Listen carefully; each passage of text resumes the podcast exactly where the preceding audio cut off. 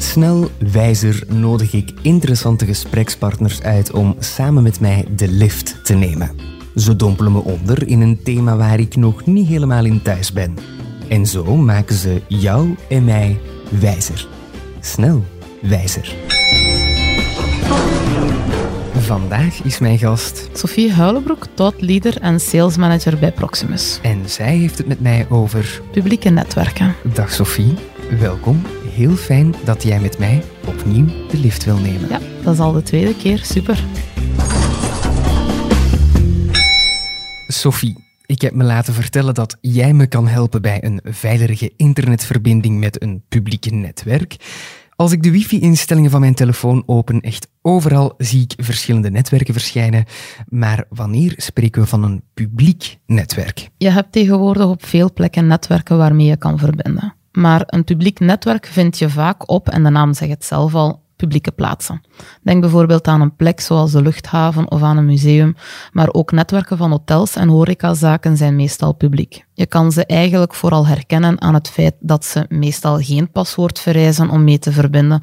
En soms opent er ook nog een extra schermpje op je apparaat waarin gevraagd wordt om de algemene voorwaarden te accepteren, of zelfs enkele gegevens achter te laten vooraleer je kan verbinden. Handig om hybride te werken, maar om eerlijk te zijn, als ik zo'n schermpje zie verschijnen, krijg ik vaak een raar gevoel. Dat voelt niet veilig aan.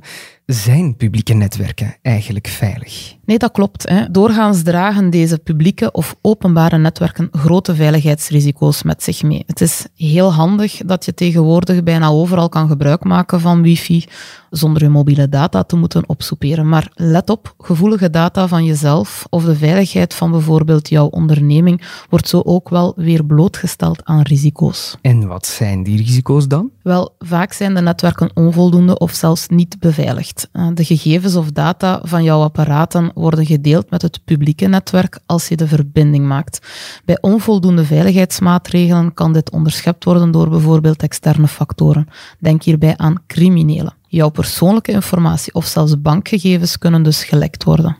Publieke netwerken worden alsmaar vaker ware hotspots voor cyberaanvallen. Hiervoor gebruiken online criminelen het zogenaamde man-in-the-middle-principe.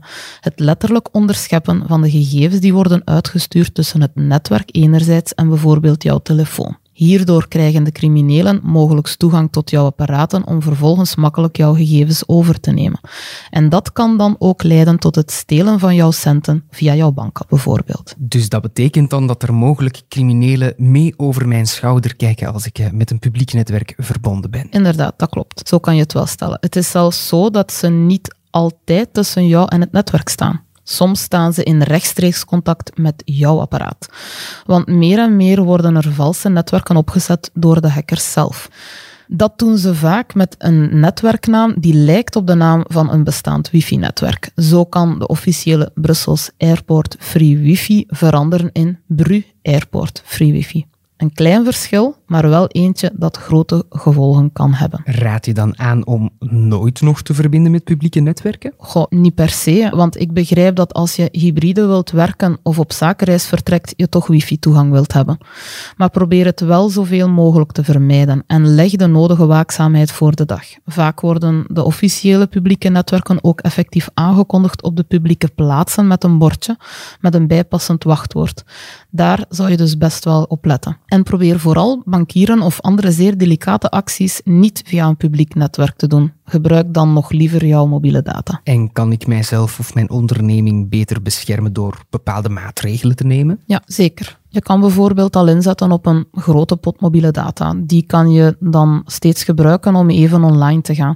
Wil je ook andere apparaten kunnen verbinden met jouw mobiele data, dan kan je een hotspot aanmaken met een paswoord.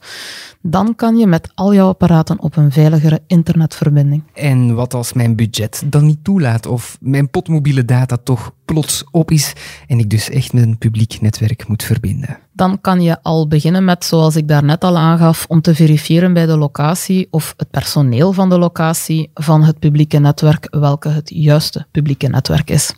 Er zijn ook mobiele apps die voor jou die check kunnen uitvoeren om te zien of dat de verbinding veilig is. Zo'n Mobile Threat Defense app waarschuwt je als je verbindt met gevaarlijke publieke netwerken.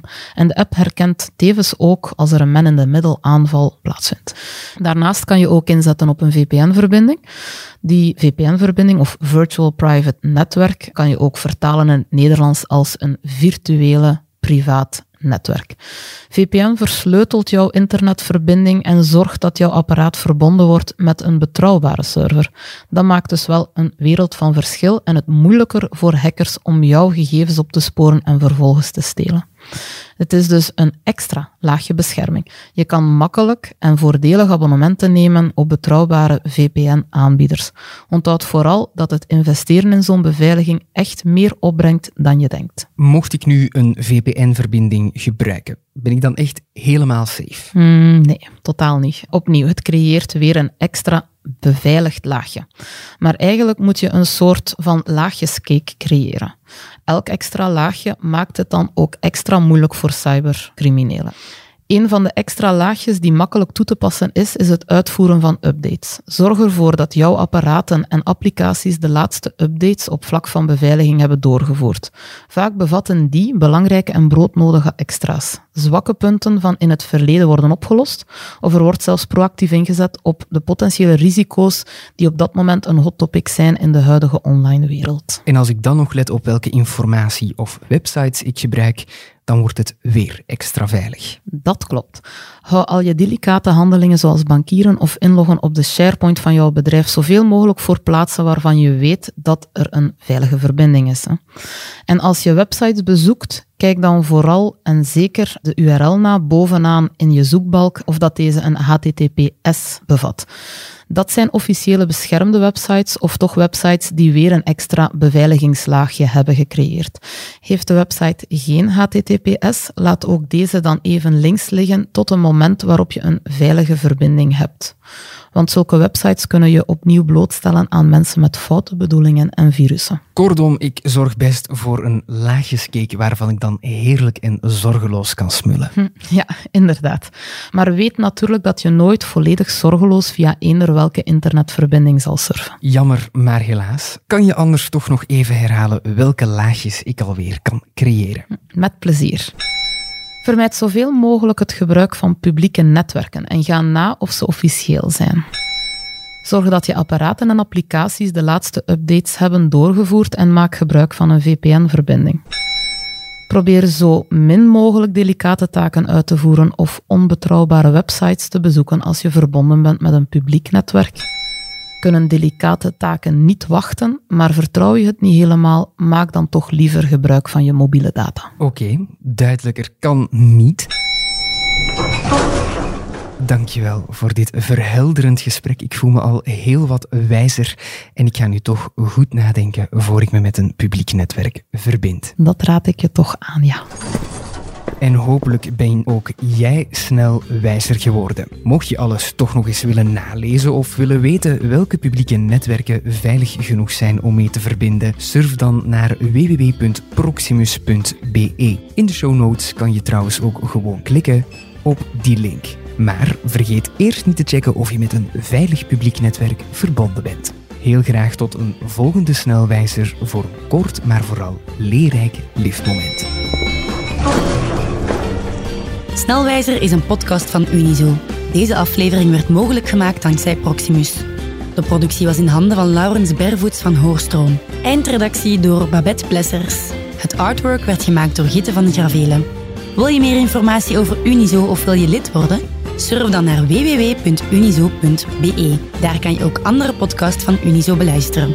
Heb je een thema dat je graag in deze podcast behandeld ziet worden? Of heb je een vraag voor de redactie? Mail dan naar podcast.unizo.be.